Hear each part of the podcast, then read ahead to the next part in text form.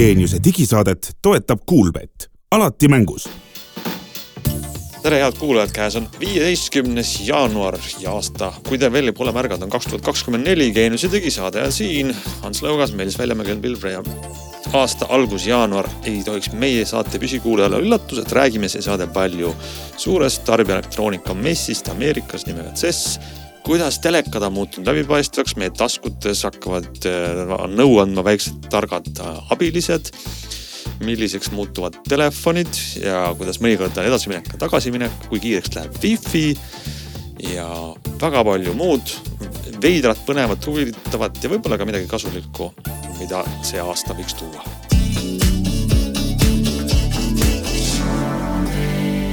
no nii, enne kui siis võib-olla räägime ka millestki muust, võtame ette need CES-i uudised. Consumer Electronic Show, tarbijaelektroonika tohutu mess, mis iga jaanuar seal toimub ja. Ja me alati alustame ju sellise väikese lahtiütlusega, et kõike, mida te nüüd kuulate, ei pea võtma puhta kullana, sest me teame, messidel nagu CES näidatakse vägevat tehnoloogiat, mis ei pruugigi ju tegelikult jõuda meie kätte, meie lettidele, meie ellu, aga äh, võiks leida sealt midagi huvitavat selles osas, millised trendid äh, käivad ja võtavad hoogu. esiteks räägime korra nendest ekraanidest, sest mõni aasta ekraanitehnoloogias on seal selline ei midagi ütlev, teinekord on midagi huvitavat. ja nüüd on kaks liidrit, Samsung ja LG, täidanud ühte päris äh, ütleme nii, et huvitavat kontseptsiooni. milleks on siis läbipaistvad telekad telekas on, aga ei ole ka. Äh, kas te nägite neid telekaid või nägite neist läbi? Äh, nägime videot neist jah, kui, kui, kui neist, kus neist video peal vaadati neist läbi, ise oma silmaga pole näinud. iseenesest äh, läbipaistev teler, eriti läbipaistev Oled ei ole nii põrutav uudis, sest et juba siin aastat viis tagasi näitas Panasonic ühte sellist ja mina olen IFA-l ka mingit prototüüpi. äkki see võis ka LG oma olla, ise oma silmaga näinud. Äh, vahe on siis nüüd kahes asjas, esiteks on see, et nad on läinud palju läbipaistvamaks, ehk siis see klaas, mis seal äh, seda pilti teeb, on sellel LG Oled mudelil ikkagi nüüd täiesti selline, seal ei ole enam sellist rohekat tooni taga, vaid ta on päris nagu läbipaistev klaas. ja teine asi, mis on võib-olla veel suurem uudis, on see, et kui me siiani oleme näinud neid äh, läbipaistvaid telereisis või ekraane prototüübina, mis võib-olla kunagi võiks siis müügile tulla, aga võib-olla mitte. lihtsalt tootjad näitavad, mida nad teha oskavad, siis LG Oled on tegelikult esimene, mille nad ka päriselt lubavad sel aastal müügile tuua. tasuks ka muidugi LG hoogu natuke sellega maha tõmmata, et kui ma õigesti mäletan, siis mingisugune viimased viis aastat on nad CES-il igal pool mujal messidel oma mingit telekat kokku rullinud kogu aeg ja öelnud, et, et see on mingi järgmine asi, mida kõik saavad osta ja ja võib-olla ma muidugi eksin, äkki saabki seda. kokkurullitavat telefoni, telekat saab osta, saab osta, aga lihtsalt ta maksab nii palju, et. ja no ilmselt seda võib-olla tõesti saab osta, kui sa oled juhuslikult äh, siis äh, võib-olla Bill Gates või Elon Musk, kes ilmselt ostad selle, aga, aga ma nagu kuidagi tundub, et see, et see uudis ka natukene võib-olla läheb sinna rubriiki, aga, aga võib-olla see muidugi jõuab ostetavaks ja teistpidi ka nagu Meelis ütles, on neid läbipaistvaid ekraane, mina mäletan neid hoopis külmkappide kontekstis, sest väga ägedad olid sellised külmkapid, mille ekraanid olid läbipaistvad ja siis kuvasid sinna peale ka mingisuguseid eh, asju, mis siis külmkapi sees või, võis olla või ilmateadet või mingeid muid asju. ma olen ka, ma olen ka neid näinud, aga ma üldse ei mäleta, kes sellist külmkappi näitas ja kas sellist külmkappi saaks ka juhtumisi osta, kui sa oled Bill Gates või mitte igal juhul. ei tea küll, et seda osta saaks päriselt. meil on täiega segadus, kus see sõna tel telekas või TV siinjuures, selle uudise juures, sellepärast et selleks, et sul on kodus televiisor, mis on osaliselt läbipaistev, osaliselt näitab pilti, on võib-olla sobib ühele protsendile, null koma ühele protsendile inimeste kodudest, et sa pead sinna kõrvale ostma ka selle villa, kus, kus see telekas sobib.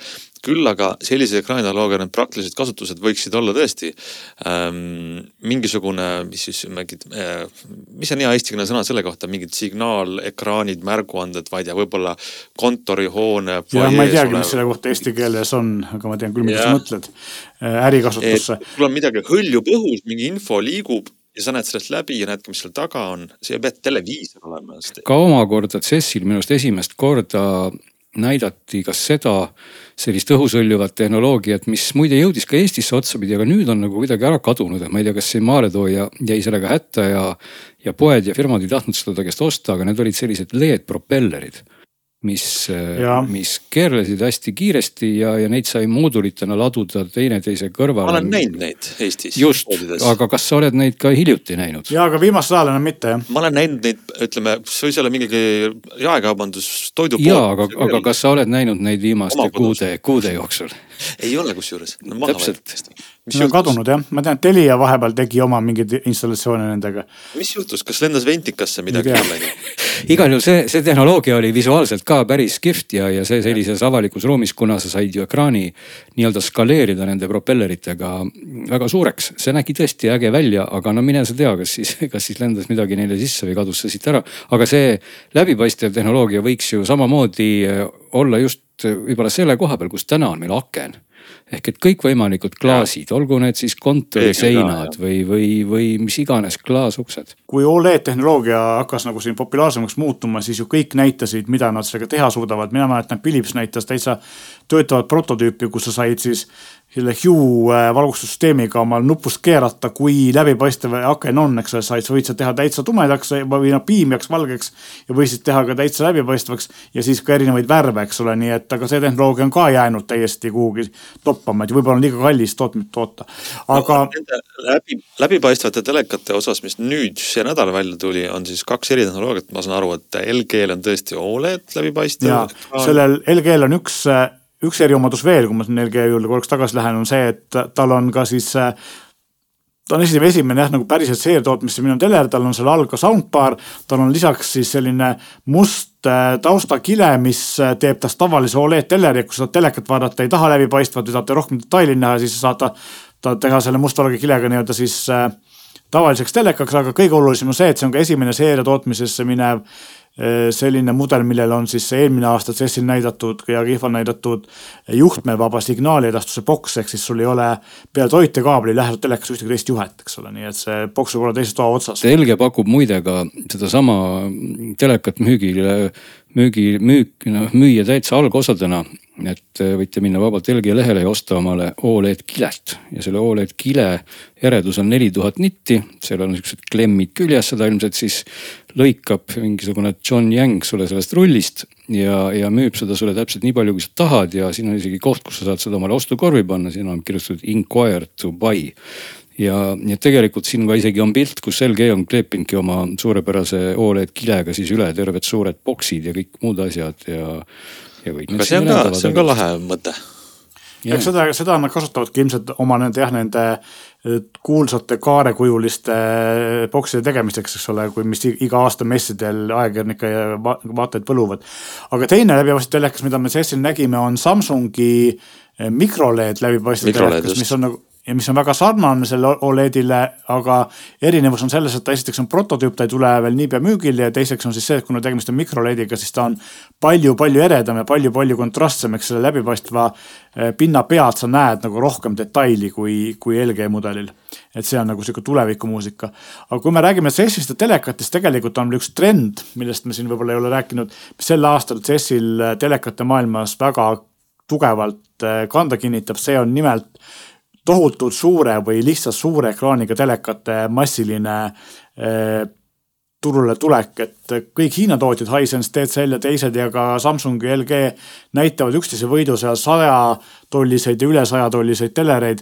Hisense'il oli lausa saja viieteist tolline, et nendel on kaks probleemi, et pilt on väga hea aga esimene probleem on see, et kuna nad on nii suured, siis nende transport on meeletult kallis, mis teeb selle hinna väga kalliks, et telekas ise tootmine ei ole kallis, aga nende vedamine, kuna nad peavad laevaga kuskilt tulema ja võtavad väga palju ruumi, eks ole, siis see teeb seda kalliks.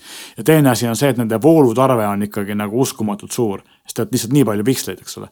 aga jah, et selles mõttes selle aasta nagu märksõna telekate maailmas lisaks läbipaistvusele on siis ka päriselt see, et kõik tootjad hakkavad pakkuma väga suure ekraaniga telereid ja juba käivad, juba käivad arutelud selle üle, et kas nagu projektoritel ongi enam kauaks elu ja eriti nendel short through või nii-öelda laserteleritel, mis siiamaani on olnud sellised sajatollist ja ülespoole, et, et kui tavalise tavalise LCD teleri väga hea pildiga saab sama hinnaga, siis võib-olla polegi sellist asja enam mõtet osta. vaatame siis edasi, mida see CES-i uudiste magasin meile sealt veel pakkus. no üks kategooria on väikesed ai abilised, mis on nutikad ja üritavad meie elu lihtsamaks teha ja meie käske täita. ja Rabbit ehk jänesenimeline R1 seade on võib-olla selle poolest silmatorkav. ühe, tal on üks väga tugev omadus, miks ta on teistest erinev ja see on see, et see asi on päriselt müügil ja inimesed on saanud seda osta ja tellida, et sest et väga palju on selliseid igasugu kontseptsioone, ideid ja, jubinaid, mis näitavad, mida näitavad ettevõtted. võib-olla jõuame nendest ka mõnest rääkida, aga Rabbit on siis selline omamoodi see toodabki startup nagu Rabbit, ei ole mingi suure ettevõtte oma, aga omamoodi seade, mis näeb välja nagu neljakandiline klots. see peal on väike ekraan, väike ketas, väike kaamera ja selle mõte peaks olema siis, et väikese, tema sees on selline tehisintellekt algoritm, millega sa saad rääkida, näitab sulle vastuseid ja teda saab siis tellida või käskida sundima, et ta teeks sinu igapäevaseid asju, mida sa teed muude äppide või telefoniga, et sa siis ei peaks telefoni kätte võtma, näiteks telli mulle auto või äh, mingisugune toit või mine tee mul midagi muud selle teise äpiga. ehk umbes midagi sellist, nagu me, ma ei tea, küsime Google'i või Alexa või Siri käest, et ta teeks käske, siis see, see Rabbit peaks olema selle võrra targem ja siin taga on üks huvitav mõte, et tavaliselt sellised abilised peavad töötama mingisuguste API-de või liideste kaudu. aga mida väidab see Rabbiti äh, loonud firma on siis see, et nad õpetavad seda algoritmi kasutama mobiiliäppe nii nagu inimene seda kasutab. et näiteks ähm, ütleme nii, et võtan lahti, no mis Eestis on, Bolt Food, kust ma tellin endale hamburgerit ja siis äh, algoritm õpib seda kasutama nii nagu inimene ja tänu sellele õppimisvõimeline on ta, saab ta kõikide äppide kaudu siis sinu tellitud, soovitud tellimusi äh, täita. no igal juhul on tegemist äh, jah, selles mõttes igati ägeda vidinaga, et ta näeb välja selline, kuidas ma ütlen, nagu nagu vanasti olid Sony telefonid sihukese imeliku disainiga, kui, kui Sony alustas oma esimesi mobiile siis, kui paljud meie kuulajad ei olnud veel sündinudki, nad olid sellised nagu noh, sihukeses heas mõttes nagu gadget'id või vidinad või et ta. ta on sihukese väikse rullikuga, pisikese ekraaniga, kihvti disainiga, aga seal sees jookseb siis mitte mitte siis LLM või suur keelemudel, vaid nagu nad ise ütlevad, selle nimi on siis large action model ehk et suur aktsioonimudel ja see jääb muidugi natuke nüüd segaseks, et kuidas see suur aktsioonimudel seal asju teeb, aga, aga igal juhul peaks see siis olema väga universaalne mudel, mis siis kõikvõimalikke äppe ja muid asju on võimeline õppima ja nendega siis asju tegema, et. et ma pean tunnistama, et mida rohkem seda pikka juttu lugeda, seda vähem nagu teada saab kuidas see kõik töötab. aga, aga igal juhul on see äge vidin igatahes ja vaatame siis ka ju hinda, seda pakutakse siis saja üheksakümne üheksa dollariga. no ja, see on ka põhjus, miks see esimene nagu tootepartii, mis oli kümme tuhat tükki kiiresti läbi müüdi, et, et selle raha eest oleks nagu huvitav katsetada. aga siin on tõesti noh, need väljakutsed, et mul esimene nagu mõte on see, et, et ma ikkagi usaldan siis kõik oma kontoandmed, kõikide kontode andmed sellele firmale. sest ma pean nagu äpi kaudu äh, andma oma konto sellele jänesele ja siis ta minu kontoga läheb sinna kuskile äppi, sisuliselt ütleme niimoodi, nagu ma, ma ei ole seda seadet ise kasutanud, aga ütleme, võtame selle Bolti näite, et see on nagu sihuke suvaline äpp, millega neil ei ole otseliidest, aga ma annan talle oma Bolti kasutajanime ja parooli. Eh, siis ta käivitab serveris virtuaalmasina, kus käivitab Bolti rakenduse, logib sinna sisse justkui nagu inimene minu kontoga, teeb minu tehtud tellimuse aga ma ise hoian käes ainult seda väikest klotsi ja räägin tema käest, ta ütleb jah, et kuule, ma tellisin sulle pitsa ja see maksab kümme eurot ja tuleb kahekümne minuti pärast. no et siis ma pean usaldama sellele Rabbitile kõik oma kontod ja, ja see kõik on nagu selline ühe suure ai äh, haibi sellise laine tipp praegu.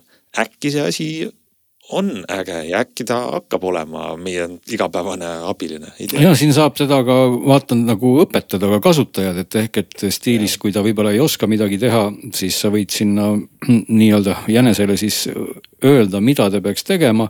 noh, näiteks võtma mingi tarkvara lahti ja valima sealt mingid asjad välja ja siis vastavalt neid sorteerima. siis ta oskab seda nii teha, nagu sa oled mm. talle seda sele-, seletanud, ehk et ta selle reegli siis saab lennult aru, et sa ei pea piltlikult öeldes seda siis mingisuguse skriptiga programmeerima või, või muud moodi kuidagi noh, nii-öelda asjatama, millega ilmselt enamik inimesi toime ei tuleks. see kontode ühendamine kõlab igal juhul noh, see on ainus viis, kuidas sellist asja teha, eks ole. aga teistpidi kõlab see nagu üks suur äh, tulevikus toimuv privaatsusskandaal sest et see ei saa hästi lõppeda. palju riske kindlasti jah, aga no nagu ma ütlesin, mis on selle Rabbiti suur äge eelis, on see, et ta on päriselt olemas, inimesed saavad tellida, erinevalt näiteks nüüd järgmisest asjast, mis on siis Samsungi pallikene ja ongi inglise keeles nimi Balli, mille kohta no näidati ja lubati ja kuulutati, aga kas see ka päriselt jõuab müügile, ei tea. pallikene peaks olema siis selline robot, mis sõidab sul kodus ringi ja oskab äh, panna tööle ja kinni kõiki mu koduseadmeid, sest nad on ju kõik ühendatud ja wifi's, paneb, äh, ma ei tea, õudupesumasina öösel tööle või tuled kustu, kui ma ära lähen või tuled käima, kui ma kodule lähenen ja räägib minuga, näitab mulle projektoriga mingisuguseid rahustavaid pildikesi või asju. ja mida ta veel teeb? noh, on sihuke, kuidas öelda, nagu koduloom, aga püüab natuke endaga olemasolu ka õigustada kodutöödega. Nii et noh, jällegi võib-olla on see siis äh, sihuke nunnu robotikene, aga võib-olla on lihtsalt kontseptsioon. eks me oleme sellisel ajal, kus nüüd aasta on ju see keelemudel möllanud ja see tehisintellekt mm -hmm. nii-öelda hakanud igale poole jõudma, et siin mõned aastad tagasi teadupärast isegi minul laua peal klõbistas ringi robot nimega Vektor, kellega sai ka rääkida ja, ja kes siis äh, suhtles ja oli päris nupsik ja tegi igasuguseid asju ja mida targemaks sellised äh, tegelased ju tegelikult muutuvad, kes kombineerivad endas siis võib-olla mingi emotsionaalse väärtusega siis mingisuguse sellise pragmaatilise või vajaliku väärtusega. seda, seda, seda rohkem võib-olla edu midagi tabaks, et kui sul on näiteks mingisugune igav Google'i kõlar, mis lihtsalt seal on ja teeb ka asju, siis võib-olla hoopis toredam oleks, kui sedasama asja teeb siis vähemalt sama hästi, võib-olla isegi paremini mingisugune tegelane, kellel on siis teatav vabadus ka liikuda või oma mingit emotsiooni näidata või noh, et kuidagi nagu ühendada sellist noh, kas siis lemmiklooma või, või nagu mingisugust tegelast, kes päriselt oskaks ja teeks, aga samal ajal oleks sulle ka päriselt eh, kasulik. sest noh, muidugi üks teine, teine aspekt on siin jälle meie regioon või meie niivõrd unikaalne salakeel nimega Eesti ja, ja noh, et, et me, me võime kõike siin vaadata ja teha, aga ilmselt oma keeles äh, läheb ikkagi aega, kuni me ladusalt räägime, olgugi et noh, täna saab ju ka loomulikult chat GPT-ga saad ka eesti keeles rääkida ja nii edasi, aga ikkagi kõik sellised seadmed, mis siin tulevad ja ametliku keele toena ikkagi noh, me kahjuks sinna ei jõua. muide, ma vaatasin selle jutu taustal ka, et telliks siis ära R3 kolmanda batch'i juba, sest nagu nad ütlevad või R1, sest juba ka teine on välja müüdud, aga. Rabbiti Rabbiti just, aga, aga Rabbitit nagu Eesti, Eesti ikka minu eelmise jutu jätkuks Eestisse kahjuks ei saa Rabbitit tellida. no võib-olla see ei ühildu GDPR-iga siin, et sama kontod on nad ameeriklastele võib-olla küll jah, nii et nii. jääb üle jälle kurvastada, et tuleb inglise keeles rääkida. mis veel uut äh,, Meelis, me saame nüüd veel kiirema wifi omale ja et tegelikult äh, Wi-Fi seitsmest on räägitud ju aastaid ja mõned äh, seadmed on seda ka näidanud oma sead-, andmetes, et, et neil on see toetus olemas, sest et sellised beeta staadiumis ruuterid ja telefonid ja asjad on, on selle toega olemas olnud, aga nüüd siis CES-il kuulutati välja, et Wi-Fi seitse on ametlikult sertifitseeritud, esimesed ruuterid ametliku toega müügil. ilmselt kõik uuemad telefonid, mis järg, tulevikus tulevad ja muud seadmed, arvutid hakkavad siis ametlikult Wi-Fi seitsme toega olema. ja sinna Hans saab nüüd öelda, kui kiire see päriselt on. see on lõpmatult kiire okei okay,, võtame päris vastuses, nelikümmend kuus gigabitti sekundis on teoreetiline maksimumkiirus, mis äh, noh, ütleme, kui sellest üks kümnendik on saavutatav, see on ka juba tohutult kiire ehm,. Wi-Fi kuus E, mis on praegu no kõige vingem äh, siiamaani äh,, teoreetiline maksimum on olnud siis üheksa koma kuus on ju. et kõik need on siuksed teoreetilised kiirused, aga, aga kui mul on kodus Äh, arvuti, millega ma tahan, ma ei tea, mängida või teha midagi, kus mul on väga suurt kiirust vaja ja ma ei taha kaabeldada või ma ei saa kaabeldada. ja see ruuter on mu arvutiga samas toas, mitte betoonseina taga. siis võiks see Wi-Fi seitse olla nagu äge lahendus on ju. et ta nagu elimineerib seda kaabelduse osa see on nagu peamine, ega tal ilmselt leviala nüüd väga suur ei ole, eriti nendel kõrgematel sagedustel. aga, aga, aga noh, teistpidi igasugune kiirgus on ju selle mündi teine pool, et ilmselt on paljud inimesed kuidagi väga ärevil, kui elektromagnetlained mühisevad sisse ja välja meie kehast, eks ole, et. et, et kas, kas me tahame nagu seda tõesti, et kõik see suur infohulk siis meie magamise elu ja kõikvõimalike muude tubade ja piirkondade vahel see on muidugi omaette teema, et kas on nagu nelikümmend kuus gigabitti andmeid minust äh, tekitab teise tunde kui nelikümmend kuus kilobitti andmeid.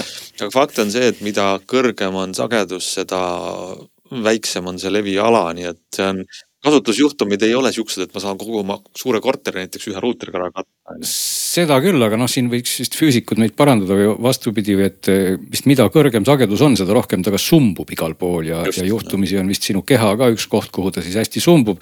ilmselt teeb ta seal siis eelkõige sind sooja, soojemaks, mis ta seal ikka muud nii väga teeb, aga, aga mine sa tea, no äkki ta teeb midagi veel, sest ega me ju sinna rakkude ja aatomite ja prootonite vahele väga täpselt ei näe ja ei tea, mis seal kõik toimub. aga ometi on see nüüd standardiseeritud Wi-Fi seitse. Meelis, sa said aru, et sa vaatasid ka välja esimesed telefonid, mis seda toetavad? esimene, mille ma ametlikest andmetest leidsin Wi-Fi seitsme on OnePlus Open, mis tegelikult on siin müügil ja me oleme ka seda testinud. mulle tundub, et ma olen näinud seda seadmetes või selles mõttes andmetes ka teistel mudelitel, mul ei tule ühtegi praegu meelde, ma vaatasin iPhone'idel ei ole ja Samsungi telefonidel ei ole, ilmselt siis uued järgmised Galaxy'd, mis äh, siin varsti mõne nädala pärast müügile jõuavad, ilmselt nendel on ka, et äh, ma usun, et nüüd uutel hakkab kõigil olema, aga jah, OnePlus Openil on juba, juba olemas küll aga on üks teine standard, mille kohta sa leidsid ka väga huvitava tähelepaneku tegid, et mille kohta me tuge ei leia uuematelt telefonidelt, aga millest me rääkisime minu teada umbes täpselt kolmsada kuuskümmend viis päeva tagasi. mis on siis G2, kas, kas me ei rääkinud eelmine CES uuest ja väga heast juhtmevaba laadimise standardist? eelmine sest me rääkisime G2-st ja kuidas see kohe kõigile tuleb ja, ja kuidas see saab väga hea olema, nüüdseks on meil olemas, seda. on olemas meil uued äh, uued Google'i telefonid, millel seda ei ole, on meil kohe tulemas OnePlusi uued telefonid, millel tõenäoliselt seda ka ei ole ja on tulemas ka uued Samsungi telefonid, millel praegu kehtivate kuulujuttude põhjal seda ka ei ole, nii et standard on, laadijaid muideks CES-il näidati ja muid G2 toega erinevaid äh, vidinaid näidati, niimoodi vidinatootjad näitasid väga palju. aga ainus telefon, millega nad praegu kasutada saab, on endiselt iPhone ja see on väga kummaline, ma ütleks. aga võib-olla see on teatud konkurentsieelis võib-olla, no samas iPhone'il ei ole ju tegelikult seda G2 vaja, sest et äh, neil piisas MagSafe'ist ja MagSafe, G2 on tegelikult MagSafe äh, Androidile, ma võiks, ütleks niimoodi, eks ole, ehk siis. ehk siis tegelikult äh, ainus, kes sellest ei võida, on Apple, ehk siis neil ei muutu põhimõtteliselt midagi. aga vähemalt on suurem hulk laadijaid, mis Just. seda toetab. just. nii, aga tagasi CES-i juurde, mis asi on kliks klaviatuur? kliks on äh, füüsilise klaviatuuriga ümbris mille, mille sisse sa saad panna iPhone'i ja siis su iPhone'il on füüsiline klaviatuur, mis meenutab võib-olla natuke BlackBerry klaviatuuri või, või sellist vanemat HTC füüsilise klaviatuuriga telefoni, sest on olemas teatav väike, aga häälekas seltskond, kes ütlevad, et füüsiline klaviatuur on alati parem kui, kui virtuaalne puutetundliku ekraani peal olev klaviatuur, kuigi tänapäeva noored, mina julgeks arvata, et suudavad kirjutada puutetundliku ekraani peal kiiremini kui kui siis äh, füüsilise klaviatuuri peal ja võib-olla dikteerida sõnadega veel kiiremini. ja äh, kliks on siis, kunagi oli, kui te mäletate, oli mingi teise nimega äh, sarnane klaviatuur, mille Apple kohtusse kaevas. et selle eelmise asja tegi keegi kuulus näitleja, kelle nimi on Ryan Seacrest tegi selle. ja see kaevati Apple'i poolt kohtusse, see sai väga ruttu otsa, aga nüüd siis see mm, kliks on, on tehtud kahe tuntud võiks olla tehnikaajakirjaniku või Youtuberi poolt, et Crackberry Kevin ja Mr Mobile ehk Kevin Fisher ja Michael Fisher, sorry. ja tundub, et nemad on ikkagi algusest peale võtnud nagu selle, selle tee, et nad on sellel arendusel teinud kõik selleks, et, et siis äh, Apple'il ei oleks kuskilt kinni haarata ja neid või, või siis, või siis BlackBerry'l, eks ole, klaviatuuri disaini poolest ja, ja või kohtusse kaevata, siis, siis võib-olla see õnnestub, aga kui palju see, neid, neid ostetakse, see on juba omaette küsimus. sada kolmkümmend üheksa dollarit maksab see. naljakas äh, näeb välja mm, selline, teeb telefoni. no see teeb telefoni kolmandiku võrra pikemaks. just, et sa hoiad oleks siis telefon kerge, aga telefonid, iPhone'id on suhteliselt rasked telefonid ja siis just. on selline pikk banaan, võib-olla, no ütleme nii, et ähm, äh, täitsa huvi oleks seda proovida, aga jällegi asi, mis on alles kuskil eeltellimises. Kas see jõuab ka kunagi tootena, no loodame, vähemalt on võimalik juba oma raha nendele anda, et et saada see endale kunagi kätte. no mina vaatan siin natukene seda segmenti, mis on kummaline, üks selline nunnus mõttes kummaline segment on nutiuks sinu lemmikule, et ta saaks siis ukse vahelt sisse tulla, ilma et sealt tuleksid sisse konnad, maod ja ja muud koledad, muud teised loomad. aga kui mu lemmik on konn või madu? siis on pahasti, sest et konnal või maal ei ole seda käpa ümber või kaelas seda tag'i, mis teeb selle ukse lahti. et nimelt on see siis selline pisikene, kuidas ma ütlen, see pisikene nutikas kassiluuk, mis avaneb siis ainult siis, kui see kass sinna ukse taha tuleb, et teisi. õige kass. õige kass tuleb, et teisi kasse ja kojote ja madusid ja keda iganes siin on üles loetletud, ta sisse ei lase. ja siis samas on seal ka veel kerget sorti, isegi võib-olla raskemat sorti ai-l baseeruv abi, abivalvur, kes siis ikkagi vaatab, et kui nüüd juhuslikult sealt kassi kõrvalt tuleb veel keegi sisse, siis, siis teda ei lasta ja, ja samal ajal vaatab ka, et kass ei tule näiteks mingisuguse surnud hiire, roti või maaga ehk et ta ei lase nagu saagiga kasse sisse, ma saan aru. et ühesõnaga siin on mõeldud, mõeldud on juba rohkem, kui ma jõuaks küsida. no tegelikult on see väga, väga jube hea oma turu tundmine, sellepärast et seal Just. Ameerika lõunapoolsetes osariikides on igasuguseid tüüpe liigub ringi kasside kõrval ja sa ei taha ja sul on see äh, lemmiklooma luuk on uksel, kust kass ronib sisse ja, ja muide, ega see iseenesest ei ole ju mingi naljaprobleem ka tegelikult Eestis, et maamajades, kus ja. iganes on tõesti ju. näiteks suvel on teil ju kass ja tõesti ta käib oma tiire ja kogu aeg on ju see jahkerdamine, et teda tuleb lasta ju sisse. ja enamasti inimesed ongi siis lahendanud siis selle mingisuguse lapakuga või tõesti teinud kavalamad sinna juba mingi augu ja pannud ja. sinna midagi ette. miks mitte, nii et tegelikult on selle toote nimi, nimi Flappy selle hind algab, ma saan aru, et Šveitsi on siin kuidagi äh, tegija, sest arust Šveitsi frankidest räägitakse meile, aga, aga see on siis äh, umbes. Äh, Šveitsis on see probleem, ma ei teadnud. umbes kolmsada viiskümmend dollarit või siis no ütleme, võib-olla loen järgmist lauset, et siiski maikuust pakutakse, et võib seda heal juhul siis osta.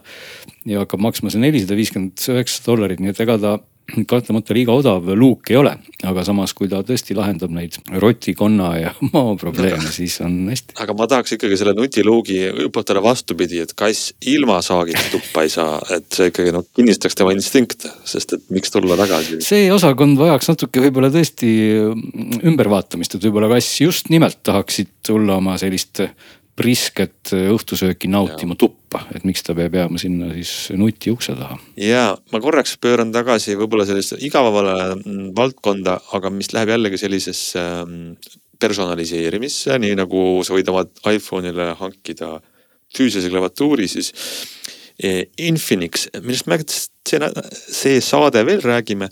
Infinix toodab telefone ehm, on siis rakendanud nüüd e-ink tehnoloogiaga ekraani oma nutitelefonil tagaküljel ja see on värviline, et äh, tegelikult me oleme mitu korda juba aastate jooksul varemgi kuulnud ja näinud kahe ekraaniga telefonidest, kus e-ink on, on ka kasutatud, aga e-ink Prism on siis see, mis on võimalik äh, panna telefoni tagaküljele mingisugune personaliseeritud äh, kujundus, värvid, ruudud, jooned ja see püsib seal noh, nii äh, energiasäästlikult nagu e-ink tehnoloogia töötab.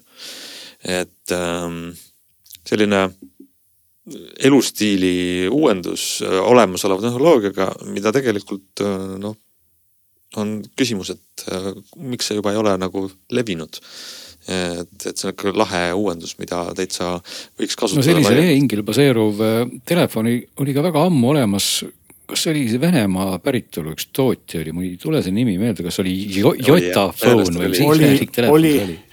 Jotafone oli ja tegelikult Hisense'il oli ka äh, ja neid on teisigi olnud, aga vahe on siis selles, et kui Jota ja Hisense olid siis päriselt nagu e-lugeri jaoks mõeldud e-ink ekraaniga siis sellel Infinixil on ta siis selline korpuse asemel võetud, lihtsalt näitab ilusaid värve sulle seal. ja ei, mõte ei ole tegelikult äh, paha, et seda yeah. kasutada siis tõesti disaini elemendina, sest ega kui jätta nüüd see võib-olla ai ja, ja muud sellised asjad kõrvale, siis disain on alati nii noh, disain loeb, disain on alati huvitav ja kui sa saad seda ise muuta lennult, äh, teeb see kõik asjad jälle ahvatlevamaks. ja kas me võtame kokku, mida siis huvitavat veel CES-ilt äh, või veidrat on kellelegi silma jäänud? no sul on väga palju erinevaid asju, et ma arvan, et me ei jõua neist kõiki nüüd ära rääkida, sest et ähm, see, mis me siin rääkisime, olid asjad, mis olid nagu põnevamad, mis meil silma jäid, tegelikult neid uudiseid on seal meeletus koguses nagu iga aasta suurtel messidel. nojah, seda küll, aga trendidena võib-olla, eks ole, selgelt ikkagi näha on, et, et kui nüüd see läbipaistev ekraan võib-olla ka, ma ei tea, kas seda trendiks liigitada, aga, aga noh. No suur ekraan on pigem trend jah ai kui selline ikkagi noh, see aasta on andnud nii palju võimalusi erinevatel tootjatel. no aga see ei ole üllatus, see on igal pool juba enne CES-i olnud. ei no seda küll, aga eelmine aasta on olnud ikkagi see aasta, kus keelemudel on tulnud ja nüüd on tekkinud lugematus koguses noh, kõikvõimalikke assistente, abilisi, kes siis sellel baseeruvalt ka hakkavad proovima sind rohkem või vähem abistada, et ma siin isegi näen, et Volkswagen Grupp juba plaanib ka chat GPT-d oma autodesse lisada mis siis äh, peaks lahendama võib-olla neid probleeme, mis täna nendes autodes on, et sa saad kohe või, või hullemaks teha ütleme nii, et see isegi, äh, mul esmapilgul tundub ka palju muigama, aga kui mõelda nendele häälepõhistele assistentidele, siis kus, kus, siis need senised autos olevate häälkäskluste äratundmise asjad on selles nii-öelda toiduahelas kõige madalamal, et need on siuksed ma tahtsin karjuma mingit sõna ja ta ka siis ei saa aru. minu viimatine kogemus on suhteliselt uute autodega ja ma pean tunnistama, et nendes Mercedeses tõepoolest see hääleassistent on nagu suhteliselt hea, et no ta ju suudab avada sul autoaknad ja lülitada igast soojendusi sisse-välja ja. ja nagu teha päriselt asju ja isegi rääkida sulle mingit nalju. aga tõepoolest ikkagi ma ei saa võrrelda seda vestlusega nagu keelemudeliga, ehk et kui ma räägin chat GPT-ga täna, siis ma ikkagi noh, viimasel ajal olen, olen avastanud, kusjuures, et väga mõnus on lähed koeraga jalutama. et chat GPT-ga on võimalik ju tead teatavasti rääkida just siis telefoniga, kui sa paned hands-free kõrva, et muidu nagu rääkimisrežiim ei aktiveeru. aga kui sul on äh, juhtumisi kõrvaklapid, Bluetooth kõrvaklapid, siis sa võidki oma elu teha huvitavamaks, et pidada siis filosoofilisi või vähem filosoofilisi vestlusi chat GPT-ga. ja see töötab tegelikult nagu uskumatult hästi, okei okay,, seal on nagu väike viive, viivis või kuidas me ütleme, hilistumine. tõepoolest, et noh, päris vahele ei, ta sulle ei räägi, aga, aga, aga iseenesest on seda, sellega on väga-väga hariv ennast rõõmustada. on siis vähem tüütu kui kirjutada, sest mina, kui ma kirjutan chat GPT-le Microsofti versioonile arvutis näiteks, siis ma ikka pean päris kaua ootama, et ta mulle midagi vastaks, et see on jube tüütu. no aga kui sul on käed roolil, sa ei saa kirjutada kirjutada lihtsalt, võib-olla see on see. sa pead natuke nagu ootama, aga ma ei ütleks, et see nagu liiga pikk on see aeg ja kuidagi noh et see ei ole kolmkümmend sekundit või nii, nagu ma mõnikord äh, pean ootama? ei, ei, ei ole, ei ole, see mm, pigem ikkagi, ma ei tea, võib-olla mõni, mõni sekund on see aeg tegelikult see muide sõltub sellest kontost, mis sul on, tasuta kontoga on vastused aeglasemad. ja vot mina pean küll ütlema, et olen tasulise konto omanik olnud jah, et ma olen rääkinud GPT-4-ga. ma ei ole veel näinud näinud vajadust tasulist kontot teha siis asja jaoks, aga okei okay,, võib-olla tulevikus vajadus tekib. kiiremini vastused, see on, see on võib-olla. iseenesest on loogiline, et tasulise konto omanikele vastatakse kiiremini, see on jah. ühesõnaga noh, selle jutu algus oligi selle koha peal, et, et need rääkivad assistendid ja noh, täna keelemudelid ju ikkagi eesti keeles on võimelised täiesti normaalselt rääkima, et, et chat GPT-ga täna ka eesti keeles rääkimine on päriselt äh, olemasolev asi, et see ei ole nagu mingisugune ulme. ja tegelikult, kuna ta on otsapidi ka ikkagi netis, siis või vähemalt mulle jäi selline mulje, on ta võimeline andma mulle väga häid ja, ja toredaid vastuseid, sest noh, viimati ma vestlesin temaga pikalt Kiviõli suusamäe teemadel ja ta oli väga kursis, miks see mägi seal on ja mis seal sees kõik on ja kui kõrge see võiks olla ja. ja nii edasi, nii edasi, et tegelikult väga hariv ja huvitav oli rääkida. ja tegelikult, mida Volkswagen ütleb, on see, et nende chatbot seal siis selles autos võikski nagu vastata sul kas põhilistele autot puudutavatele küsimustele, ilma et need andmed jõuaksid äh, OpenAI-ni kuskile välja ei läheks. sellepärast, et Volkswagen ütleb, et esimesena tuleb see tugi just Euroopasse, mitte USA-sse, mis on nagu hea märk. ja teine asi on, et siis võib-olla tõesti küsida talt neid äh, Kiviõli Tuhamägi, sa tahad, kuidas sinna navigeerida, palun pane mulle ja. see navigatsioon sinna. või ma mäletan, me tegime siin mõned kuud tagasi väikse võrdluse, et ma sõidan Tallinnast Tartusse. Pärnu ja ütleme nii, et siin on see risk, et see kas ta hallutsineerib või paneb lihtsalt segast vahepeal ka see keelemudel ja see on lõbus, et sa saad lõbusa sõidu. noh, mina olen alati väga kuidagi, ühesõnaga minu, minu ideaalne tehisintellektne abiline võikski olla just nimelt mingi selline natuke iseloomukam tegelane, noh kes ei ole nagu päris selline, et how can I help you today et, et noh, et see on nagu natuke selline tüütu ja ma ei tahaks temaga suhelda, aga ta,. sa tahad, et ta sõimaks? ma tahan, et ta mind sõimaks, ta teeks lollakaid nalju. ta oleks võib-olla mõnikord üldse vait ja, ja nii edasi, et ehk, ehk et see kõik muide on võimalik täna keelemudeliga ju täiesti juba teostada, ehk et isegi sa saad, kui sul on GPT-4 tellimus, on sul ka muidu võimalik personaliseerida teda, sul on võimalik kirjeldada suhtlusviisi, kuidas sulle meeldib, et ta sinuga suhtleb, et kas ta on siis noh, täiesti vabas vormis, eks ole, et, et selles mõttes keelemudeli pluss ongi täna selline, et, et sa saad siis teda nagu sõbra või sõbrannana kujundada selliseks, nagu sa tahad. ja, ja siit äh, üks, kaks või kolm sammu edasi, mis on juba ka täna täitsa teostatud äh, versioonis olemas, sa saad oma hääli või, või oma lemmikhääli siis panna selleks rääkija hääleks ja see toimib ka erakordselt hästi, et tõsi küll, jällegi selle koha peal eesti keel on nagu minu katsetustes jäänud natuke tagaplaanile, et eesti keeles pigem noh, ei, ei kõla see väga hästi, et seal tuleb ikka kerge sihuke aktsent juurde. aga kui sa võtad mingisuguse toreda hääle, kes sulle sobib ja ütled, et räägi palun inglise keelt ja see hääl ei pea olema üldse ka ingliskeelne hääl, et ta väga hästi selle hääle siis teeb, modelleerib ära ja räägib selle häälega. et, et noh, ütleme see tulevik, kus sul ikkagi on selline Knight Rideri stiilis auto või, või Michael Knight või Kit, kes siis neid märksõnu teab. see äh, on, on väga kihvt, et sa saad vabas vormis, näiteks sa sõidad suusatama, sul on pikk tee, võib-olla ei ole juhtumisi teisi ka autos mõtle, kui äge on autoga mingit lihtsalt sellist äh, oma aega informatiivset, äh, naljaka, võib-olla natuke lõbusa vestlusega sisustada, eks ole. ma kuulaks pigem meie saadet. aga meie saatel on, on piiratud aeg, on ju, et see on. ja no teisi podcast'e on veel. aga olgu, see on maitse asi. aga piiratud ajast rääkides, teeme täna äh, selle CES-i ringi äh, lühemalt otsa peale. Aga kas me räägime korraks veel ühest veidrusest? Või noh, olgem ausad, minu jaoks oli see uudis ja üllatav, aga Meelis, sul on üks telefon, mida sa oled ähm, tutvunud. ja see on seesama telefon, mida ma ennem mainisin, Infinix, õigemini sama bränd siis, erinev mudel, mis on, ma arvan, Eestis täiesti tundmatu. Võib-olla peaks äh, alustama, no ei ole nii tundmatu juba selles mõttes, kes on käinud kuskil näiteks arvutitarga või kliki äkki kliki kindlasti arvutitarga poes vaatama, mis nad müüvad, siis nad on seda brändi pole netis näinud, mina olen igal juhul. aga võib-olla peaks ka alustama sellest, et mis, mis ta on ja mida ta pakub ja pärast ma räägin sellest, mida ta ei paku.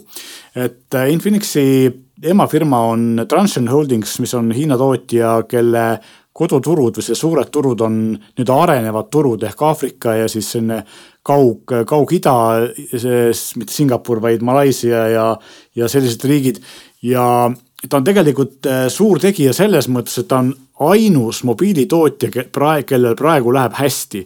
ehk siis äh, Apple'i, Samsungi ja, ja teiste numbrid on kukkunud seoses siin majandusraskuste ja inimeste ei osta telefone.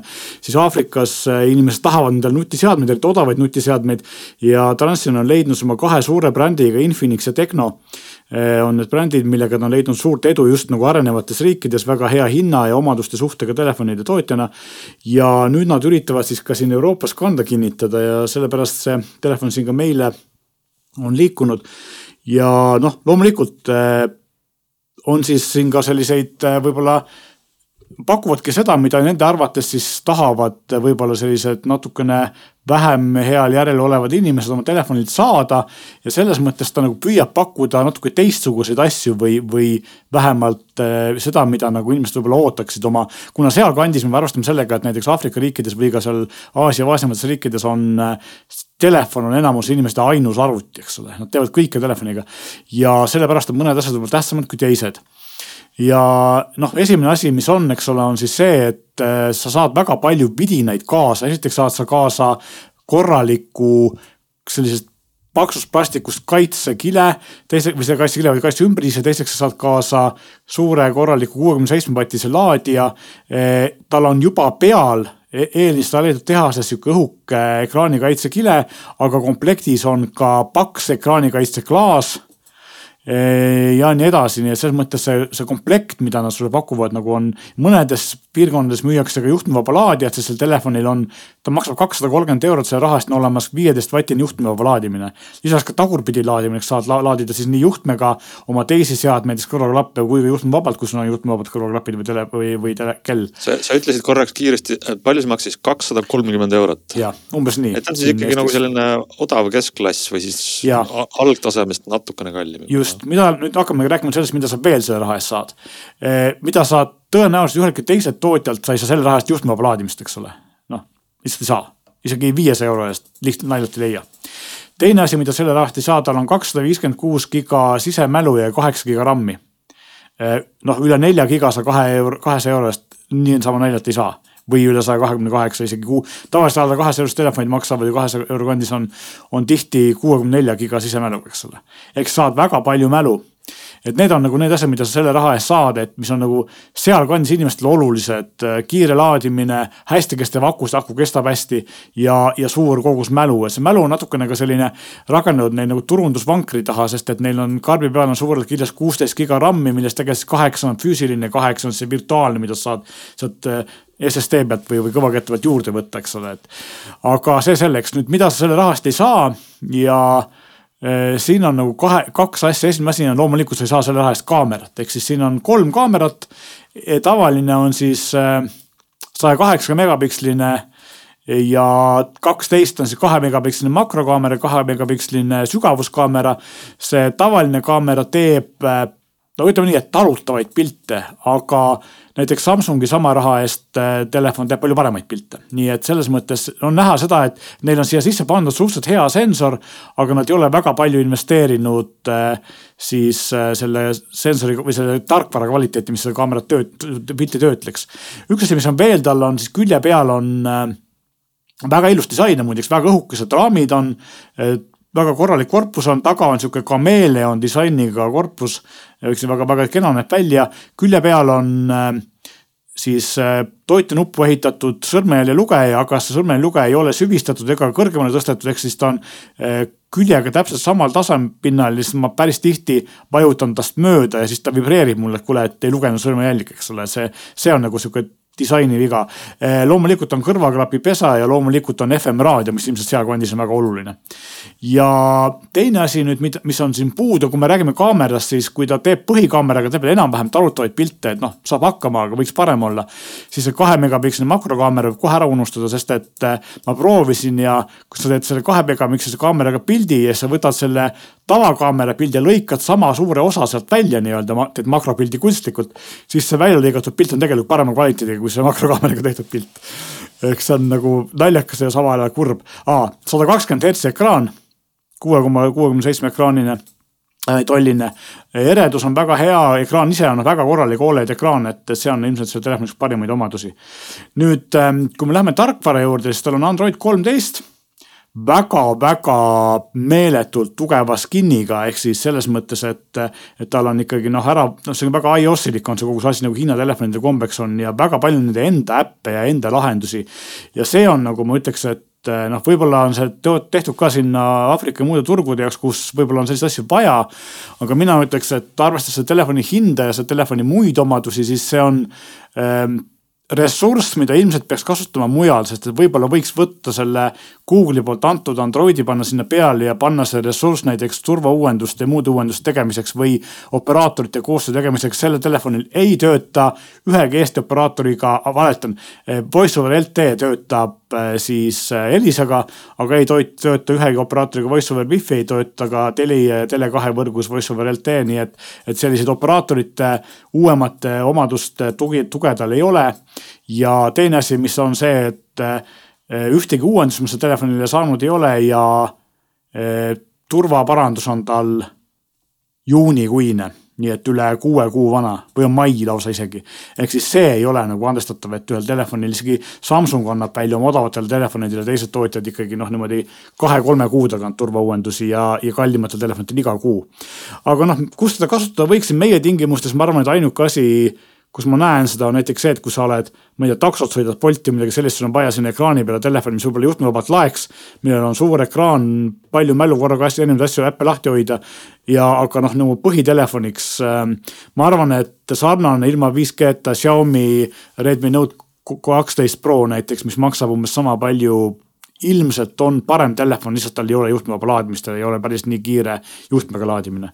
et aga noh, rääkides selle telefoni populaarsusest mujal maailmas, siis mina käisin juba ma ei tea, aastat viis-kuus tagasi Marokos ja, ja seal kohalikel inimestel enamusel oli kas Infinixi või Tecno telefon, nii et eh, kui meil on ta tundmatu, seal on ta väga populaarne. noh, igatahes tore, et on alternatiivi ja kes sellise summa eest tahaks katsetada, siis mõnes mõttes võiks ju, võib ju proovida. ütleksin, me siinkohal tõmbaksime otsad kokku selleks, et minna tagasi lugema, proovima, katsetama, mõõtma sest et järgmine nädal oleme me jälle tagasi ja küllap on siis meil jällegi asjalikke uudiseid jagada ja kogemusi edastada.